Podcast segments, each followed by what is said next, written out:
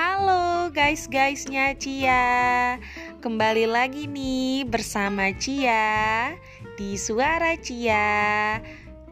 Oh bukan kembali lagi sih.